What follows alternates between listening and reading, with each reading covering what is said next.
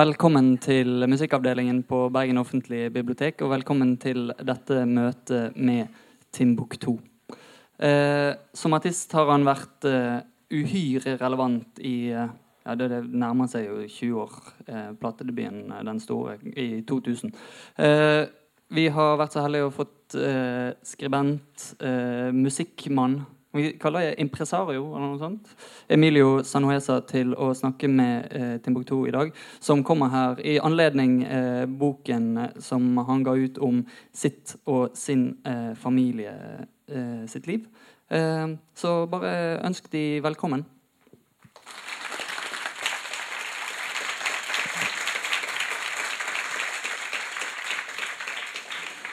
Hei, alle sammen. Vi skal snakke om eh, boken 'En droppe midnatt', skrevet av eh, Jason Timbuktu Diakité, som du har blitt kreditert som på bokomslaget. Ja, nej, men Timbuktu har jag kallat mig så länge så att mm. det har lite blivit som ett um, ja, det har blivit lite som ett, ja. ett mellannamn helt enkelt. Så ofta blir jag presenterad som Jason Timbuktu Diakité. Dels mitt egentliga namn ska komma med, men också det namnet som folk vet att jag kallar mig. Men var det aktuellt att bara se Jason Diakité? För mig hade det lätt varit det, men förlaget var ju liksom, de tyckte gärna, okay. eh, ja. gärna att jag fick vara med i Timbuktu. Men hur som helst, det är någonting jag har burit med mig länge. Dessutom är ju staden Timbuktu en av de väldigt unik stad i världen på det sättet att eh, det finns en böcker är väldigt viktiga i Timbuktu. Och det mm. finns en långt, en tusenårig tradition av att, eller mer än tusen år har man alltså eh, kopierat, eh, inte bara religiösa texter, men, eh, men böcker överhuvudtaget. Och eh, det finns säkert en av de städerna i världen med flest bibliotek. Jag tror det finns säkert 40-50 bibliotek i Timbuktu. Så att böcker och på den afrikanska kontinenten eller på den subsaharanska delen är Timbuktu absolut den mest litterära staden. Så, att, ja, så, så det passar bra. Det var ett frampek. eh, kanske vi kan starta med um, selve bokprojektet. För uh, vi känner dig först och främst som artist.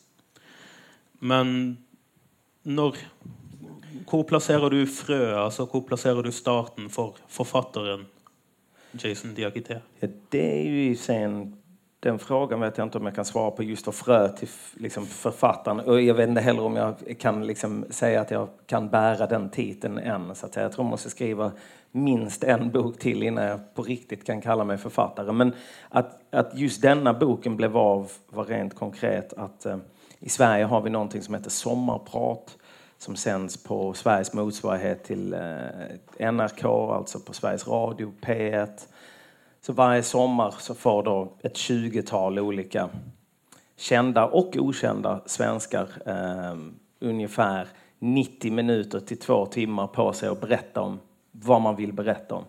Och så skulle jag göra ett sånt program 2014 och så hade jag skrivit mitt manus då om vad jag skulle berätta om. Jag skulle prata om eh, antirasism och rasism i Sverige. Så att säga. Och lite om mig själv och så vidare. Jag hade gjort ett sommarprat några år tidigare där jag mer hade berättat liksom my life story. Så nu tänkte jag mer gå in på lite mer specifikt samhällsproblem i Sverige. Eh, men jag hade lärt känna en författare som bor några kvarter från där jag bor. Eh, ganska nyligen. Och eh, jag skickade över mitt manus och frågade honom kan du läsa igenom det och ge mig lite pointers. Och det var Mustafa Jan då som är, han är författare kan man säga. I och för sig har han också bara skrivit en bok men han är mycket mer en författare än vad jag är. Liksom. Uh, han är verkligen uh, en mästare. Uh, journalist? Journalist är han ju främst. Ja. Jag har lärt mig otroligt mycket om hantverket Eh, av honom. Men Eh, och då fick jag en liten försmak av hur arbetet med boken ska vara för att jag fick tillbaka manuset med massa rödmarkeringar. Och han sa ta bort det här, eh, flytta upp det stycket, flytta ner det stycket. Och här, det var ett stycke om min farmor och farfar, här har du fröet till en bok. Så tänkte jag inte mer på det.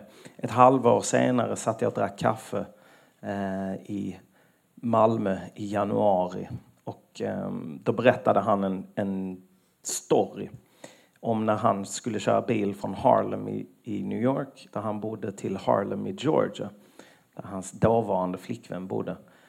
Och eh, i South Carolina blev han stoppad av polisen, detta är 1965. Och han, han blev rädd för att han skulle bli lynchad helt enkelt. Det var vanligt förekommande på den tiden eh, i USA. Så han eh, fick till slut efter många om och men gömma sig upp i ett träd. Vilket är ganska ironiskt eftersom det, det är där man lynchade folk oftast genom att hänga upp dem i träd. Ibland lyktstolpar och broar, men oftast träd. Eh, men han övernattade i det här trädet i varje fall. Eh, och eh, jag tyckte det var en så liksom, intressant och bra och spännande och viktig story. Så jag, när jag kom hem och så skrev jag den och så skickade den till Mustafa och sa att jag tror jag har börjat på boken. Och då sa han, det tror jag också, nu måste du bara skriva väldigt mycket mer. eh, och så då började jag göra det helt enkelt. Eh. For de som Det är ju säkert uh, De flesta här har inte läst boken, går jag ut ifrån. Så kan du berätta lite om, om dina föräldrar? Vem är dina, vem är dina föräldrar? Ja, det är intressant. Alltså, det är ju de människorna jag har känt längst i mitt liv. Och det är också, så att, således är det de två relationerna som jag har haft längst tid. Det är den liksom längsta relationskulturen jag har haft är med min mamma och pappa. Eh, och mina relationer till dem är väldigt olika. Eh, de är två väldigt olika människor. Det är, ett, det är fullständigt... Eh, det är ganska svårgreppbart för mig nu att, eh, och liksom, i mitt vuxna liv att förstå hur de någonsin kunde bli förälskade och skaffa ett barn. Eh, men du vet, det, det, det, lyckades de lyckligtvis med. Eh, ja, min, i, I boken kommer det fram att de är olika på väldigt många sätt. Absolut. Ja. För olika för att förbli gifta. Så efter de hade skaffat ett barn, när jag var bara ett år gammal, så skilde de sig. Men anledningarna till att de blev ihop är flera. Alltså det är inte bara kärlek, så att säga, tror jag. Eh, min pappa är från Harlem, eh, föddes där 1940. Eh, till en, vad man då skulle säga, en arbetarklassfamilj. Men, en, men liksom i det större amerikanska samhället, alltså i en fattig familj. Och i ett amerikanskt getto där, där det bor eh, överväldigande svarta människor. Eh, nästan bara.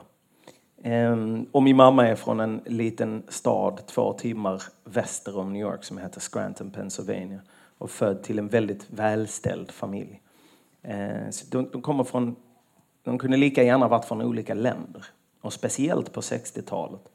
Eh, helt olika erfarenheter av hur det är att leva i Amerika, hur eh, liksom, samhället bemöts, vilka livsförutsättningar. Så inte bara att en kom från en fattig familj och en annan från en relativt rik familj. Utan just hudfärgen avgör så extremt mycket. Det gjorde då och gör nu fortfarande. Livsförutsättningar för eh, medborgare i Amerika. Eh, så med det sagt tror jag att de blev tillsammans lite som en min mamma blev min pappas väg ut ur gettot. Vilket är väldigt svårt. Det är väldigt svårt att ta sig ut ur fattigdom. Eh, har jag förstått det som. Jag, är inte, jag har aldrig upplevt fattigdom. Det var en sak som jag insåg när jag jobbade med denna boken. Att jag verkligen aldrig har kunnat emotionellt förstå hur det känns att vara fattig. Eh, och min mamma, för min mammas sätt var det ett sätt att revoltera mot vad som annars hade varit en väldigt linjär livslinje som alla fina medelklass vita amerikanska flickor skulle gå. Eh, med att gifta sig och bli hemmafru och liksom skaffa barn. Först få en universitetsutbildning, sen hitta en partner, gifta sig, bli hemmafru. Och det är det alla andra kvinnor i, i, på min mammas sida i familjen har varit. Fast de har universitetsutbildningar så är de alla hemmafruar så att säga. Ehm, så att det var nog inte bara kärlek utan det fanns en lockelse över de här rasgränserna. Och rasgränserna var mycket, mycket högre på 60-talet i USA än vad de är idag. Även om det fortfarande inte är vanligt att se eh, svarta och vita eh, gå och hålla i handen och vara kära i varandra. Så händer det ju oftare. Men på 60-talet hände, hände det väldigt sällan. Din, I ett kapitel hvor du forteller om at din mor ankommer New York og begynner å arbeide der som sosialarbeider mm. det, det, virker som om hun ble anklaget uh, for å være litt naiv. Mm. Men ikke bare av sin familie, men også av communityen som hun nå begynner å bli kjent med. Ja, framför allt tror jag av min pappa. Um, han såg ju bara en... Alltså på den tiden, de träffades 66 i Harlem, så var det ju inte säkert för... Nej, det var ju inte säkert för svarta människor alltid, såklart, eftersom eh, det kunde vara en våldsam stadsdel. Eh, men det var absolut inte säkert för vita människor. Vita människor, och fram till idag, det är ju, givetvis ser du ju vita människor i Harlem och mycket mer nu än innan. Men då var liksom inte, hörde det inte till vanligheten att vita människor eh, rörde sig fritt i Harlem. Men hon var ju socialarbetare så hon jobbade i de mest utsatta områdena. Eh, men var ju liksom inte street smart. Hon är uppvuxen i en liten stad och sen så hade hon bott i Asien i några år och jobbat som eh, volontärarbetare för amerikanska staten. Och, så hon var nog väldigt blåögd, tror jag, om, om eh, den sidan av det amerikanska samhället. Du skildrar ju eh, när hon tar med sig din pappa hem till sin familj. Mm. Kan du berätta lite om ja, den, den reaktion som, som väntat på din pappa? Alltså, det är väldigt det var flera väldigt rörande upptäckter som jag gjorde eh, när jag Alltså det, hände ju, det hände någonting med mig när jag skrev denna boken. Om jag ska på, det blev inte så många korta svar, tror jag. Men, här. Eh, men eh, det händer ju någonting visst när man sätter ord på papper. Liksom. Jag som människa har ganska svårt att sortera mina tankar och känslor när de bara är inom mig. Men när man får dem så där från vänster till höger och uppifrån och ner så blir det lite lättare för mig att, att greppa och förstå. Ja, men, ja, men det är så här jag känner. Det är så här jag tänker. Detta är min tanke. Medan i huvudet finns det liksom inte riktigt några dimensioner utan allting är ihopvävt och det kan vara svårt att formulera ibland exakt vad jag känner. Det kan ju också vara svårt att formulera exakt på papper men det här är så gott jag har kunnat göra det. Ehm, så jag upptäckte flera saker under tiden jag skrev med boken för att jag liksom konstant letar efter saker inom mig och sen så försöker få ner det på papper. Och framför allt upptäckte jag väldigt mycket om min, eh, om min mamma och pappa. Jag kan säga att jag lärde känna dem mycket bättre genom att skriva om dem och skriva om dem också på den tiden de möttes. Det vill säga att inte se dem som mina föräldrar utan se dem som de unga människorna de en gång var innan jag fanns och så mm. vidare. Och det öppnade någon sorts empatidörr för mig. Inte att jag har varit oempatisk vill jag tro mot mina föräldrar mer än vad barn är så att säga generellt. Um, men en annan sorts empati än vad jag hade haft tidigare för dem. Eh, och en väldigt fin berättelse är just om eh, när min mamma kommer med min pappa första gången till den här lilla stan Scranton då, 1966 eller 7 kan detta vara. Och min mammas familj tycker ju det är liksom, och framförallt min mammas familjs vänner tycker det är helt, alltså det är ingen, det är inga liksom fina vita flickor ska vara ihop med svarta människor, så det görs inte. Och min pappas familj var ju fullständigt emot också för svarta människor ska inte eh, bli kära i och gifta sig med vita personer. Det, det görs inte. Eh, och det var någonting som i min pappas familj hade mycket svårare att komma över och min farmor kom aldrig över det. I hennes ögon så förrådde min pappa sin svarta ras genom att välja en vit kvinna. Men när de hoppar av bussen i varje fall så eh, hälsar min morfar, som var en väldigt fin man, på eh, min pappa och på min mamma. Och då har han tidigare då till min mamma sagt väldigt mycket att han är emot den här, den här relationen. Och han tycker inte att det är passande och det är inte en bra idé och det är inte liksom det, det, är liksom, det är skamligt Ja. i princip.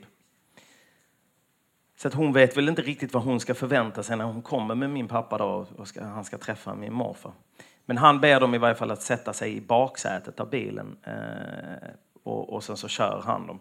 Och, eh, och då ber han helt enkelt om ursäkt. Eh, han berättar för henne att han inser, eller han berättar för dem båda att han inser att han har varit eh, liksom rasistisk i sitt tänkande, så att säga.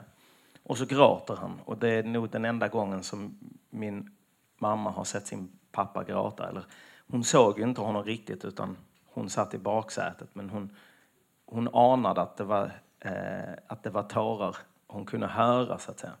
Och just att det var därför han hade bett henne att sätta sig i baksätet också. Ehm, mm. Ja, det är helt, helt riktigt då, den anekdoten jag var ute efter. Det, den här boken är um, i väldigt stor grad baserad på att du prøver att finna ut av en eh, kjempestor som du ikke virker å, å ha helt forstått. Og mangelen på den forståelsen har gna, gnaget i deg, slik du forteller det. Men, men det som virkelig går inn på meg som leser, er jo at helt i begynnelsen så møter vi en veldig ung Jason som ønsker å være hvit. Din forståelse av din identitet er så binær og så svensk at, at du ser deg i speilet, og du, du håper Eller du, du skulle ønske at du kunne være hvit. Kan du fortelle litt om, om denne veldig unge mannen, denne veldig unge svensken som, som inte er nöjd med det han ser i speilet? Jag växte upp då i två hem, min mammas hem och min pappas hem. Och i, i bägge hemmen var det ett, eh, liksom, eh, vänner och människor av olika hudfärger som passerade, så att säga. Det är väldigt internationella vänskapskretsar och sociala liv i bägge hemmen. Eh, och så var jag också väldigt ung. Eh, detta är då innan jag började skolan. Ehm, så jag reflekterar inte så mycket om mitt utseende kontra världen på något sätt. Men sen började jag i varje fall skolan och då hamnade jag i en skola som var väldigt etniskt homogen.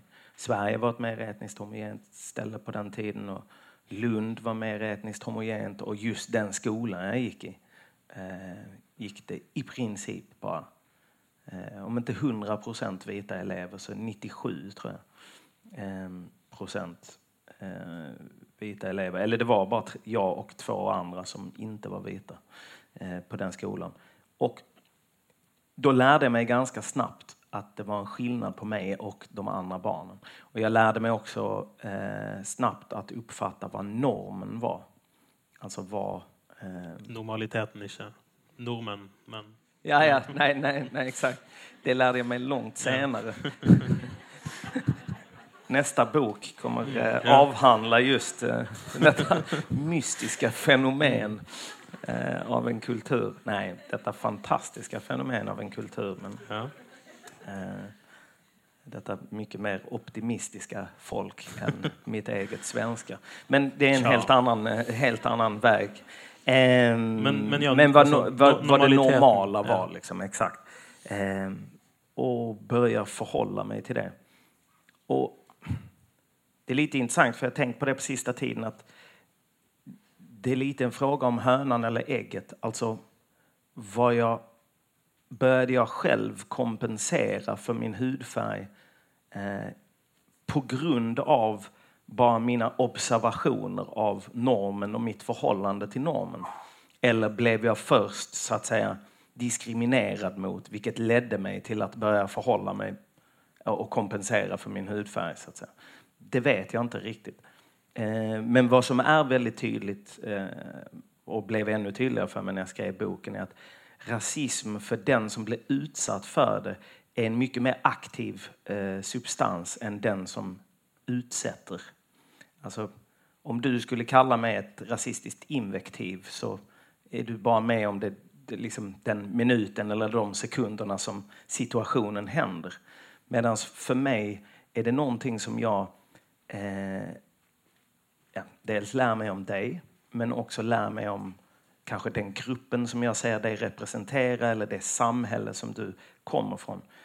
Vilket gör att jag börjar eh, försöka kompensera för att jag ska undvika och lyckas navigera mig igenom sådana situationer i fortsättningen. Så jag går liksom konstant och bär på en sorts, som till slut blir ett, ett liksom reflexmässigt beteende. Och det är det som är det lömskaste av allt med, eh, eh, med liksom vithetsnormen och att så stor del av världen inte har en vit hudfärg.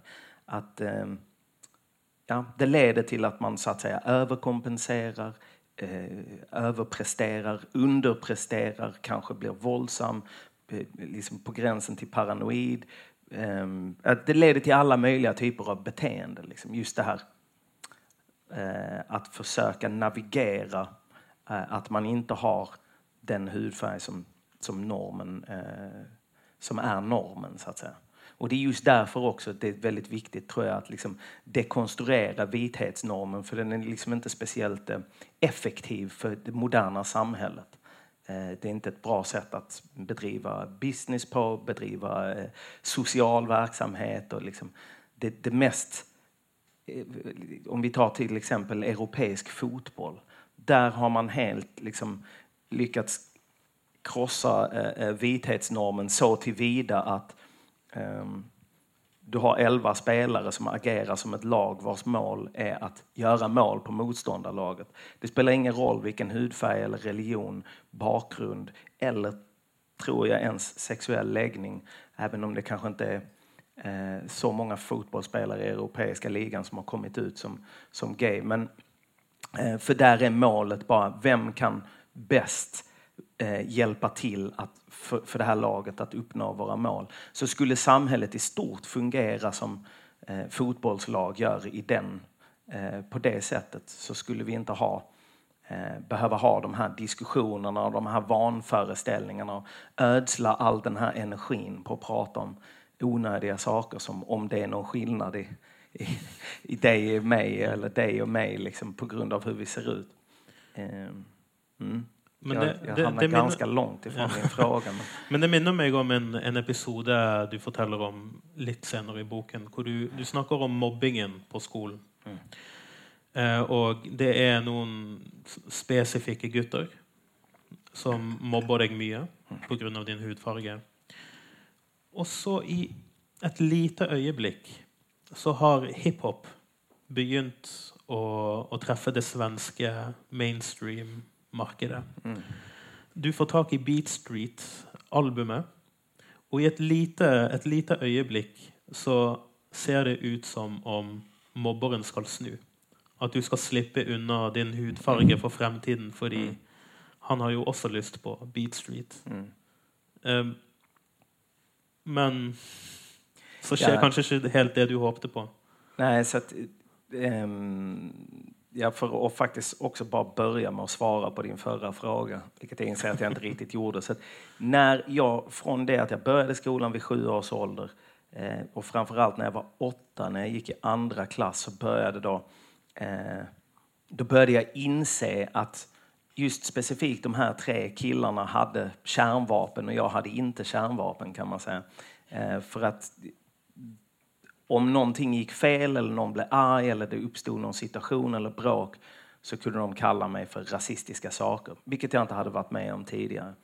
Eh, men och så blev det en sån här konstig social situation. För att vi umgicks ändå hela dagarna så att säga och gick i samma klass och lekte ibland ihop. Men så fort någonting gick fel så kunde de kalla mig för n-ordet eller, eller olika liksom, variationer på det. så att säga.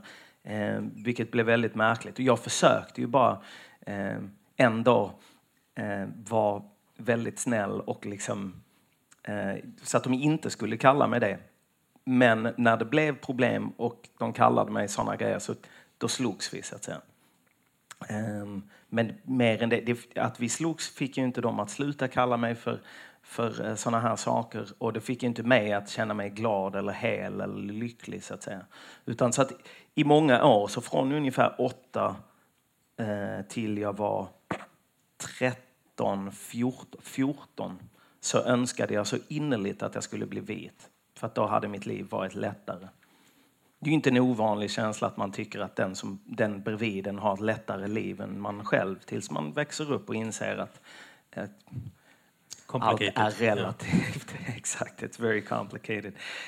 Um, men så en, en av de här, eh, en av de värsta mobbarna, han tyckte jag inte om. Jag gjorde inte det då och jag gör det faktiskt inte fortfarande.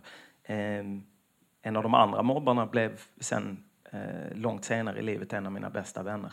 Ehm, och, eh, och, jag fick precis faktiskt sms från honom, den, han som heter Agge i boken, att han precis har läst ut boken. Ehm, det, det, det sved lite i mitt hjärta för att boken behandlar vår dåliga period och jag tar inte upp det här att vi sen blev vänner för att han gillade att åka skateboard och jag gjorde också det. så att säga. Men ehm, jag blev hembjuden till den här värsta mobbaren en dag i varje fall. Och det hade jag aldrig blivit förut och var ganska nervös för detta. Eh, vad som hör till är att hans pappa var också tandläkare. Vi har något som heter Folktandvården, ni har säkert något liknande i Norge. Så det var den tandläkaren som alla barnen i det området gick till. Det var mobbarens farsa. Liksom. Och han var jag livrädd för. eh, han var ju tandläkare. Ja, dels det. Ja, det var liksom inte på grund av det. Det var ju också för att hans son var helt hemsk, tyckte jag.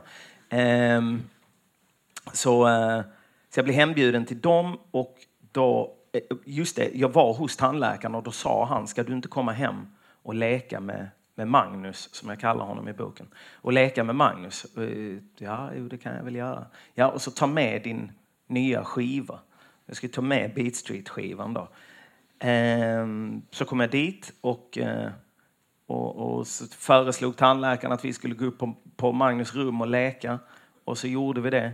Och, eh, och så, så han tog emot skivan på något sätt när vi kom. Liksom. Och, och sen, när vi, sen när det var klart, vi hade lekt färdigt och det var dags för mig att gå hem, så fick jag tillbaka skivan av tandläkaren och så höll han upp ett kassettband och sa att jag har kopierat din skiva. Eh, och det sved liksom i mig. Alltså det var ju inte någon, min skiva blev inte mindre, jag kunde ändå fortsätta lyssna på den. Men jag kände mig verkligen duperad eh, av, de, av den här sluga far och, son, far och son-duon liksom, som jag inte tyckte speciellt mycket om. Och sen så blev jag aldrig ditbjuden eh, dit igen. Så, att säga. Eh, så jag kände mig väl ut, mitt unga jag kände mig liksom eh, ja. Ydmyket? Och... Ja, lite sådär eh, mm. eh, lurad på något sätt. Eller utnyttjad kanske, på ett, ett milt form av utnyttjande. Men det var storyn med Beat Street-plattan i varje fall. Eh, så det var då, när B Street kom ut 83, 84 måste den ha kommit till Sverige. Men så några år senare så kommer hiphopen tillbaka in i mitt liv med mycket mer kraft. Och liksom får mig att den här personen som i så många år har önskat att jag skulle ha en vit hudfärg för mitt liv skulle vara lättare eh, faller helt pladask för den här hiphopkulturen där jag tycker att de, de här övercoola rapparna ser ut precis som jag. Um, och då önskar jag mig inget hellre än att vara svart. Ja, för du havna på den andra sidan av spektrat. Mm. Hvor du Stämmer det att du, du nektar att snacka med vita eller du nektar att spisa med vita? Ja, alltså, vi kan, ja. Mm så här. Var det, var jag kommer ihåg, när jag var 12 år gammal så sa en av mina snälla klasskompisar till mig någonting som jag aldrig kommer glömma. Eh, han sa till mig att jag förstår inte varför de killarna ens retar dig. Du är ju inte ens en... Och alltså använde han n-ordet. Och då när han sa det så tyckte jag att det var så himla fint av honom att säga det till mig. För då, då tyckte jag liksom att men om han kan se liksom, så att säga, min vithet då finns det ju en chans att andra kan göra det. Så liksom så förvirrande var det, så att säga. Ehm, två år senare så får jag Malcolm X självbiografi av min mamma och börjar läsa den. Så att min liksom, och det är den första så att säga afroamerikanska eller första svarta litteraturen jag läser. Från en av de mest vältaliga afroamerikanska eh, frihetskämparna som har funnits en extremt begåvad eh, talare och även har en livsberättelse som är väldigt fängslande. Jag vet inte om ni har läst den, men hans, hans liksom liv är, är superspännande att läsa om. Så jag blir helt fångad av denna boken. Men Malcolms resa från att ha varit hallick och, och, och liksom knarkare och sitta i fängelse till att sen gå med i Nation of Islam som är i grunden ett, ett, ett så att säga de, tro, de trodde ju på segregationen för de trodde inte på blandningen av raserna och så vidare. Um, så att jag anammar ju detta tänkandet liksom, och det är mycket i hans tidiga mentalitet då, i Nation of Islam där, där liksom retoriken handlar om att den vite mannen är djävulen etc. etc. Så jag börjar ju ta in detta. Men jag bor ju samtidigt med min mamma och min syster och min styvpappa som alla är vita. Så det blir såklart ett stort problem liksom, eh, tidigt. Eh, och Malcolm X slutar äta, han blir muslim så han slutar äta fläskkött. Och det är liksom, den vite mannen är djävulen och, och, och liksom, att äta fläskkött är också en dödssynd så att säga. Eh, och vi, äter, vi åt givetvis inte fläskkött varje dag men det händer ju absolut minst en gång i veckan. Eh, så att vi, vi, några till, vi är liksom en väldigt kort period eftersom eh, min morsa är en ganska tuff kvinna så protesterade jag då mot att säga att jag kan inte liksom sitta vid samma bord för er för, som er för att ni är vita. Och ni är, liksom, ni är djävulen och jag kan inte äta den här fläskfilén för det är liksom eh, djävulens mat. Och så. så då fick jag gå till mitt rum, då kunde jag slippa att äta. Liksom. Och det, då såklart var ju inte mina övertygelser så starka att jag, att jag kunde liksom utstå det speciellt lång tid. Så, och lyckligtvis för mig så slutar ju Malcolm X eh, liv tyvärr väldigt tidigt. Han var bara 39 när han mördades av eh, Nation of Islam. Um, men det slutar med att han åker på en hajj, alltså en pilgrimsresa till Mecka och inser, som han kallar the universal brotherhood of man.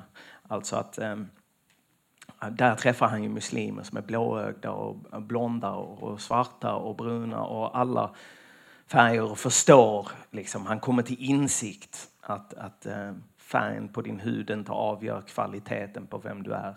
Så det förlöste ju då mig också. Liksom. Eh. Det och fläsk, mamma sin fläsk eh, var goda argument emot. Men, ja, men det ja. hörs ut som starten på en politisk bevissthet. Eh, och en... Det är ju liksom, på ett sätt är det ju synd att kalla eh, liksom, frågor kring identitet för politiska. För det är de inte. De är väl i högsta grad emotionella kanske.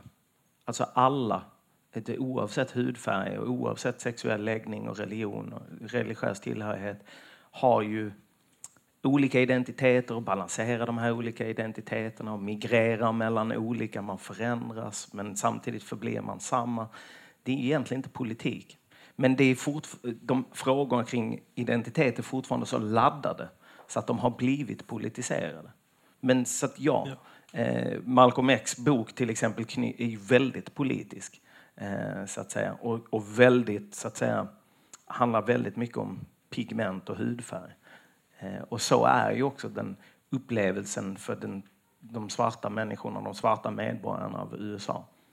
Och för, och för mig som läser var det väldigt överraskande att det var din mamma som gav dig Malcolm X. Hon har alltid gett mig de definierande böckerna i mitt liv faktiskt vi, vi bör snacka lite om din pappa siden han är så viktig för den här boken.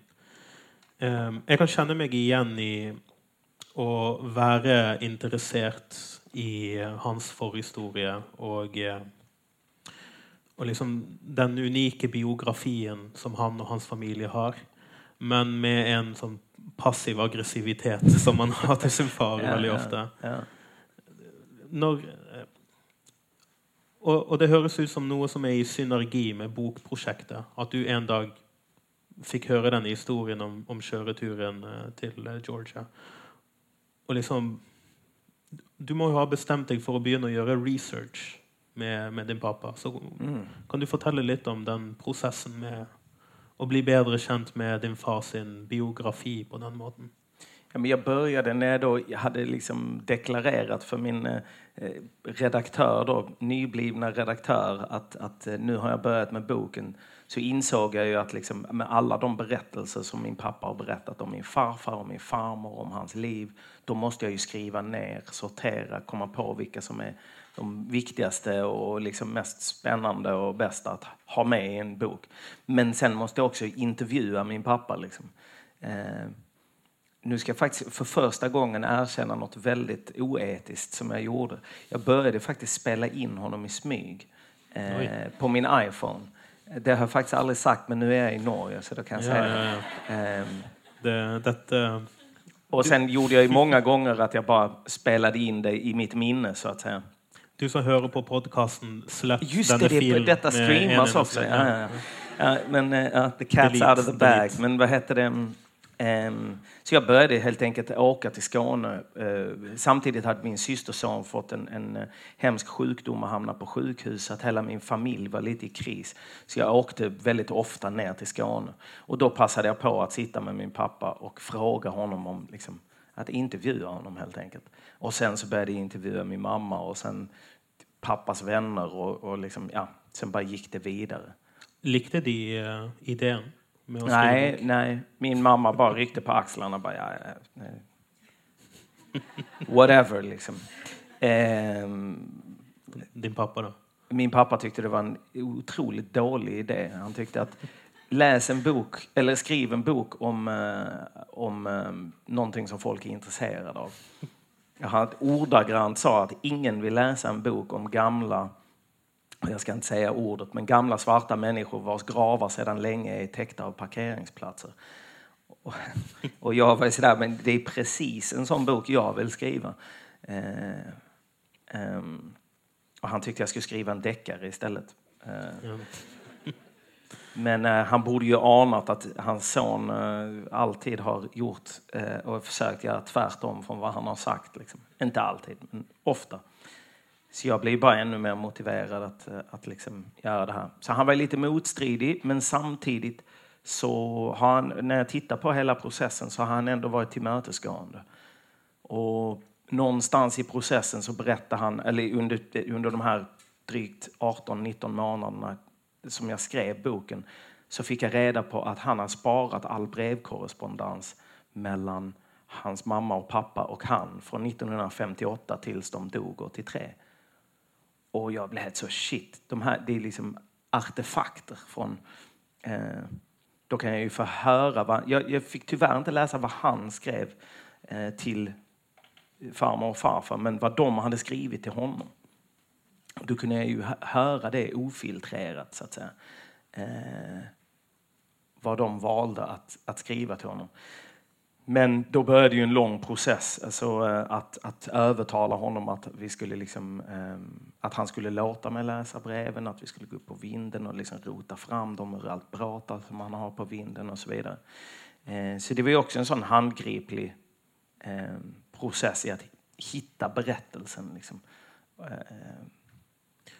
Så, att, så att han var ju väldigt snäll faktiskt, för att han till slut tillät han mig att, att liksom, gick vi upp på vinden och rotade bland alla hans grejer. Min pappa är ganska mycket av en hoarder. Eh, så i väldigt mycket grejer på vinden. Ehm, eh, och, och sen satt vi ner och han lät till och med min kompis Simme filma honom medan vi gjorde det. Och så satt vi och läste de här breven. Jag såg också hur ont det gjorde i honom. Eh, att höra eh, hans pappas brev till honom är fyllda av skuldbeläggning. För att pappa, eh, min farfar skrev gång på gång eh, jag är så ensam, jag mår så dåligt. Eh, Varför är du inte här med mig och tar hand om mig? Eller varför är du inte här och hjälper mig? Så den här skuldbeläggningen. Och att läsa det fick mig att bara få en sån oerhörd aha-upplevelse. För någonting som jag verkligen har avskytt eh, i min pappas och min liksom, kultur är att han ofta, jag kan ofta känna mig sådär guilt-trippad, som man säger på engelska, alltså skuldbelagd. ehm, som, ett, en, liksom, som någon sorts strategi för att få kärleksbekräftelse. Eh, och då kunde jag inse var min pappa hade fått det ifrån. Eh, hans farfar hade behandlat honom så. Och då blev jag samtidigt livrädd för att shit, jag har inga barn idag men jag hoppas en dag eh, få eh, barn. Och eh, de, det blev väldigt viktigt för mig att se till att bryta det liksom, arvet av skuld, så att säga. Eh, så det var en annan upptäckt jag gjorde med boken. Så att I processen var min pappa motsträvig, men han var också, men också snäll. Du, uh. du prövar att få han till att resa till USA uh. med dig. Men han... Precis i, precis i början när jag började skriva boken och jag blev jag ju väldigt nyfiken på den här lilla stan där min farfar föddes 1907 som heter Allendale. Mitt i South Carolina. Jag vill jättegärna åka dit och samtidigt får vi reda på eh, att vår äldsta då levande släkting, cousin Willie, ska ha hundraårskalas. Jag bara, herregud, liksom. En man då född, nu ska vi se, han dog, han dog 2015, så han född 1915. Och, och liksom kom, har väldigt tydliga minnen av min farfar. Och liksom, situationen var där och, och liksom plockade väl bomull precis som min farfar och alla andra i familjen i South Carolina gjorde. Honom måste vi ju träffa. Och alla släktingar som kommer vara på det här hundraårskalaset. Ehm, men min pappa vägrade. Han vägrade åka till eh, South Carolina och bara eh, tyckte det var liksom galenskap att åka dit. Så en, I början av boken så håller jag ju på att tjata på min pappa att vi måste åka dit och sen så till slut säger han och min mamma och min pappas fru till mig att nu får du sluta tjata på din pappa om att han ska åka till South Carolina. Eh, men min kompis Simme sa att jag kan åka med dig till South Carolina. För jag hade aldrig vågat åka själv. Så modig människa är jag inte tyvärr.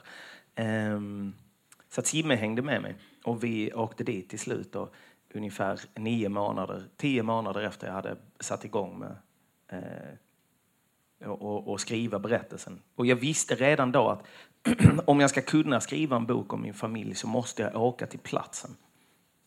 Och det, det, det är lite som med breven. Och det var också en upptäckt jag gjorde. Hur, liksom, för att kunna emotionellt koppla till saker som har hänt som jag inte själv var med om så blir någonting som ett brev, någonting som min farfar eller farmor eh, det, finns, det fanns brev som min mamma hade skrivit till min pappa innan min mamma ens hade kom, varit i Sverige första gången. Och min pappa redan var där, så att säga. Att hålla i någonting som de har hållit i och, och liksom, själva artefakten gör att jag liksom känslomässigt kan närma mig det. Precis så var det med att åka till South Carolina. Det var en väldigt, eh, det var en väldigt, väldigt stark upplevelse. Jag är mycket glad att jag gjorde det. Eh, och det blev ju, jag, jag fick ju egentligen inte reda på någon fakta som jag inte redan visste. Men jag kunde se platsen med mina egna ögon. Och det känns som att jag kunde komma närmre de här människornas liv och de här människornas livsförutsättningar. Ehm, de här människorna, vissa av dem mina förfäder som jag aldrig kände. Det var en del av det. En annan del av det var att med mina egna ögon verkligen känna att och för första gången inse att slaveriet, det här ekonomiska, det brutala ekonomiska systemet som det amerikanska slaveriet var, ehm, och slaveri överhuvudtaget, är inte någonting som är förpassat till historieböckerna i USA på något sätt, utan det är väldigt... Man kan inte säga att det är levande, för det pågår inte slaveri i, i USA just nu, men, men arvet av slaveriet är väldigt konkret all infrastruktur finns kvar. Det första som hände när vi körde in, när vi började närma oss Allendale, för vi körde från Charleston, en stad som är längs kusten. Det var ungefär två och en halv timmes bilresa genom ganska täta eh, skogar med liksom stora lövträd där den spanska mossan hänger ner. Och det ser precis ut som sådana här filmer man har sett om slaveriet och amerikanska inbördeskriget. Och sådär. Det var väldigt spännande. Och sen när vi närmade oss Allendale så öppnade det upp sig. Och då inser jag att shit, det här är ett bomullsfält. Och det hade jag ingen aning om att det fortfarande växte bomull. Det här, den här grödan då som var den primära anledningen till att man instiftade det här ekonomiska systemet eh, med slaveri. Man odlade såklart också sockerrör och andra grödor men bomull var den absolut största eh, inkomstkällan. Eh, det var liksom dåtidens olja så att säga, för, för sydstaterna. Sverige köpte ju bomull från... Precis, vilket jag upptäckte plantagen. senare. Att, att den, och bomullen från de amerikanska sydstaterna eh, exporterades till Europa och drev eh, textilindustrin i England såklart och Frankrike och andra ställen. Men även textilindustrin i Sverige. Under amerikanska inbördeskriget så påverkades arbetarna i exempelvis Borås i Sverige där textilindustrin var stark. Eh, för att priserna på bomull gick upp och, och eh, liksom, ehm, the shipments eh, blev mycket färre. Så det blev ju hårda tider för arbetarna i Borås under det amerikanska inbördeskriget. Och det, liksom, plus att tankehoppet för mig att tänka att så, här, så bomull plockad av en av mina förfäder skulle i fantasin liksom kunna ha blivit kläder som den svenska kungen hade på sig. Det är bara så att det tyckte jag var ett vackert tankeexperiment att göra. Så att säga. Um, men, så när vi är på väg in så öppnar det upp sig. Jag ser det här bomullsfältet och bara efter vi har kört kanske en och en halv minut stannar jag bilen och springer ut på, eller går ut på eh, bomullsfältet för att känna på den här grödan. Eftersom det var, eh, detta var hela mina förfäders liv så att säga att plocka den här bomullen. Och började plocka bomull. Och min kompis Simme sprang efter, han höll på att filma och så vidare. Så kom han med en påse till mig och så fyllde jag den här påsen med bomull och tänkte jag ska plocka lite till Mustafa, lite till min kompis Marcus och eh, lite till mig själv och, och, lite till min pappa så att säga. Ja. Likte din pappa gaven? Och sen när jag kom hem alltså, köpte jag någon glasburk till alla då och liksom fyllde lite bomull i varje. Så här här har ni bomull från liksom, den, den marken där mina förfäder kommer ifrån. Eh, liksom, glöm aldrig att, att detta hände, så att säga. Vilket jag tyckte var fascinerande och viktigt för mig. att Återigen artefakter, alltså någonting konkret som påminner mig om vart jag kommer ifrån. Eh, det kanske blir än viktigare för mig just som har känt mig väldigt rotlös i livet på något sätt i just vad min härkomst och tillhörighet är och vilket mitt folk är, så att säga. Ehm, min pappa blev helt... Eh, eh, I avsky sa han att skulle du ta med en bit av ett, eh, ett koncentrationsläger till någon som hade överlevt Auschwitz, var hans exakta ord. Och så tyckte jag att det var lite dramatiskt. för att han har inte suttit i, liksom, eller han, var, han har ju aldrig varit en slav så att säga. Men, ja. Så, men, men, du, men det verkar som om resan till Allendale får dig till att för första gången verkligen känna konsekvenserna. Mm. Och också alltså, se då, att det var det jag skulle komma till, just att infrastrukturen eh, finns kvar. Alltså att plantagehusen fortfarande står där och är nymålade och bedrivs som jordbruk och det som slavarna plockade, alltså grödorna, växer fortfarande. Sedan dess har jag varit på flera plantage och sett det. Liksom. Och det är lika liksom, fascinerande, hemskt och, och intressant samtidigt, liksom, varje gång tycker jag. Ja, och, och att efter slaveriet så kom segregeringen och den konstanta politiken om att stue in alla med mörk hud liksom väck mm. från alla de med vit hud. Absolut. Och gettofiera området. Du, du skildrar ju eh, de fattigaste delarna av Allendale. Eller hela Allendale är ju en av de fattigaste delarna av USA så att säga. Eh, vad, mm. vad, skulle du säga? Nej, alltså, men, men var, det, var detta liksom en sån aha-upplevelse där och då? Absolut, alltså så fort man kommer utanför, och det är likadant i Sverige, och, alltså om man vill känna på det liksom postindustriella Sverige och, och liksom, eh, alltså mer och mer eh, det blir en större och större skillnad i alla postindustriella länder mellan landsbygd och stad. Och, och även i agrara länder i, i liksom, i, i Afrika och Asien blir skillnaden mellan stad och landsbygd allt större. Det, och det får också politiska konsekvenser, vilket ingen kan undgå att märka i världen idag. Um, men för mig att se då, självklart har jag varit utanför New York och utanför städer förut, men jag har inte varit i sydstaterna förut. Uh, den, mest liksom reaktionära delen av USA. Och som jag brukar säga, att när Obama föddes, nu ska vi säga han föddes 60 när Obama föddes var det fortfarande olagligt Alltså denna mannen som då nyss, fram tills nyss eh, var president av USA. När han föddes i eh, han föddes i Hawaii. Det var inte någon annanstans som vissa skulle vilja påstå. Men, men, men eh, eh, så var det alltså olagligt i samtliga eh, sydstater för en vit person och en svart person att gifta sig. Det vill säga att hans födsel var ett brott i mer än en tredjedel av eh, landet som han föddes i.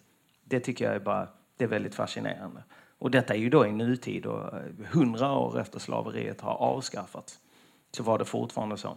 Så att, att åka till eh, eh, sydstaterna och, och liksom se baksidan av, på något sätt, the American dream, världens största ekonomi, eh, det självutnämnda land of the free och home of the brave. Alltså det var ju en, ja, och... en uppenbarelse i, i mitt huvud att, att liksom se det andra USA. Och, och också den förståelsen av att när man, när man snackar om alla de problemen som finns med mm. de och de folkene och de mm. och de grupperna. Mm. Med kriminalitet och våld och, och gänger och mangel på ekonomiska möjligheter. Men så plötsligt ser okej, okay, 150 år med segregeringspolitik. Mm. Alltså bevisst politik för att hålla undan grupper från resten av storsamfunnet. Mm. Vad trodde man skulle ske? Alltså, självföljligt ja, ja, blir det ja. som det blir. Ja, men precis. Men när, när det kommer till liksom, eh, att tjäna pengar, så att säga. USA har ju kommit till ett... Man kan inte ens kalla det ett vägval, men har definitivt kommit till ett klimax. Alltså, den amerikanska regeringen idag eh, har aldrig bestått av så många Eh, det är den rikaste, alltså det är de mest förmögna individerna som någonsin har suttit i en amerikansk regering. Och då, då har det ju suttit förmögna människor och varit både presidenter och utrikesministrar och, och liksom den utrikesministern förut, John Kerry, kom också från en förmögen bakgrund. Men den har aldrig varit så förmögen som den är idag.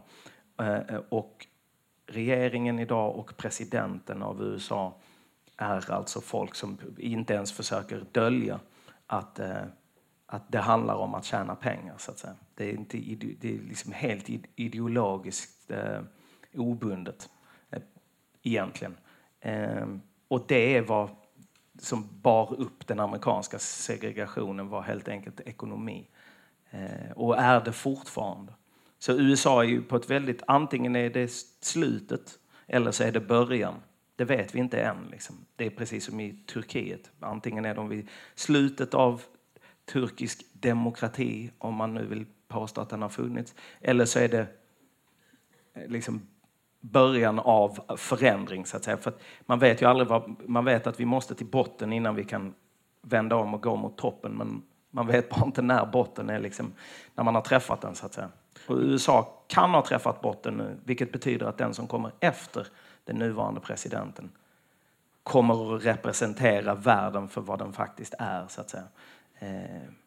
Men, men då du skrev den här boken så var Obama president mm. och jag tror de allra flesta tänkte att Hillary Clinton skulle bli president.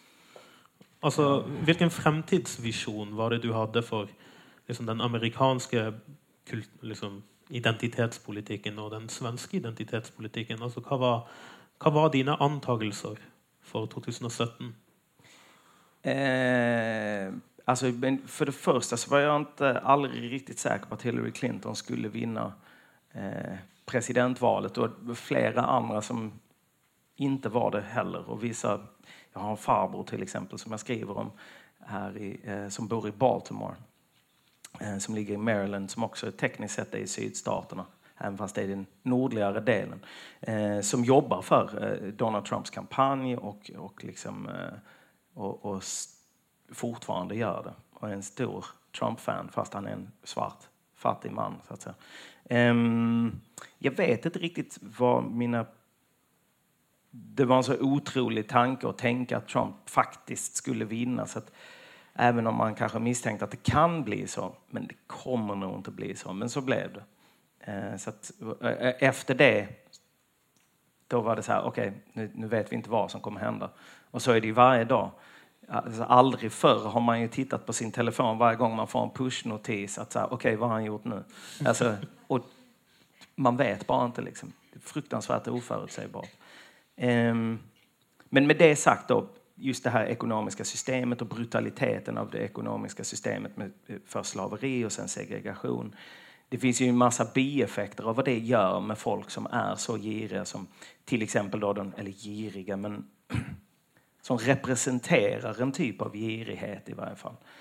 Eh, det är också att det, det, det, sitter alltså i den amerikanska regeringen människor som har varit åtalade för eh, sexuellt ofredande, hustrumisshandel, eh, folk som är alltså eh, den amerikanska justitieministern är en uttalad eh, rasist och en uttalad segregationist så att säga. Um, Mm, det är väldigt märkligt att, ja. att 2017, eh, att det är liksom... För det är verkligen ett sånt eko från en, en, det, ett svunnet, från en svunnen tid, ett tänkande från en svunnen tid. Liksom. Då, där, där liksom, det här är människor där, där kvinnor i bästa fall ses som eh, prydnader och, och liksom, eh, i, i princip alla än de som inte har feta fickor är liksom ska förtryckas, så att säga. Eh, det, det trodde man inte var möjligt mm. 2017 eh, i ett sånt land som USA. Du har ju flyttat till eh, New York nu mm. och, bor, och bor där. Har det gjort något med ditt blick på Sverige? Ja, kanske främst på ett personligt plan, att jag får, liksom, som det blir när man reser utomlands lite längre, att man får verkligen tid att titta på ens liv. Liksom. För jag har varit i USA nu lite, längre, lite mer än ett år.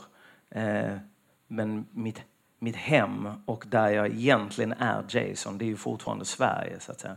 så jag har fått mycket tid att liksom titta på eh, hur, liksom verkligen känna på hur mitt liv är och var och vart det var på väg och vart jag vill att det ska vara på väg och sådär. Så att, eh, men rent, och, och, eh, någonting som var väldigt skönt var att ta liksom ett, en emotionell paus från det svenska politiska klimatet på något sätt. Där, eh, med, liksom, med allt vad det innebär, så att säga. Så jag har inte... Följde du att du var med i den? Att du var ja, men det är svårt. player? Att... Nej, nej, nej, inte så tillvida, men mer av en sån här eh, engagerad liksom, invånare. Och, ja, men jag har ett socialt mediaflöde och liksom, eh, har skrivit låtar och har liksom, eh, varit inblandad i, i liksom, flera Skandaler? Alltså, ja, alltså, ska, ja, alltså det, kontro det också. Kontroverser? Jo, skandaler också, men kontroverser. Jag skulle mer vilja säga liksom, meningsskiljaktigheter. Eh, så att säga, och, och, och sådana här hetska debatter på, på internet. Så att säga. Och det var ganska skönt att ta en paus från det. Så jag har inte följt med speciellt eh, mycket i, i liksom vad som händer i Sverige. Utan mer på ett personligt plan har jag tittat på liksom, alltså, mitt liv i Sverige ja. sen jag flyttade till USA. Jag tror vi snart har brukt upp tiden vår, så mm. lite sån kort. Kom, kommer det en bok till? Det, det, eh, det gör det. Eh, jag kan inte säga när, men jag är väldigt... Den här, så att, också kort för att säga att boken handlar inte bara om de här liksom deprimerande fakta om... Eh, liksom, Den är väldigt morsom. Alltså det är mest en personlig bok om hur, hur det har hur det har känts för mig att försöka hitta rätt i att ha en vit förälder och en svart förälder och att inte se ut som min mamma och inte se ut som min pappa och vägen dit. Men det är också eh, en bok som handlar om relationen mellan mig och min pappa. Eh, och i det finns mycket av den mycket amerikansk historia och så vidare. Och större delen av boken eh, utspelar sig i USA, eller eh, handlar om livsöden som utspelar sig i USA. Men jag skulle vilja skriva en bok som eh, om, som utspelar sig i Sverige, så att säga. Eh, och det tänker jag att jag ska sätta igång med eh, under detta året. Supert. Eh, då tar vi gärna en runda med applaus för eh, Jason. Okay. Tack. Tack så mycket. Tack, för att ni kom.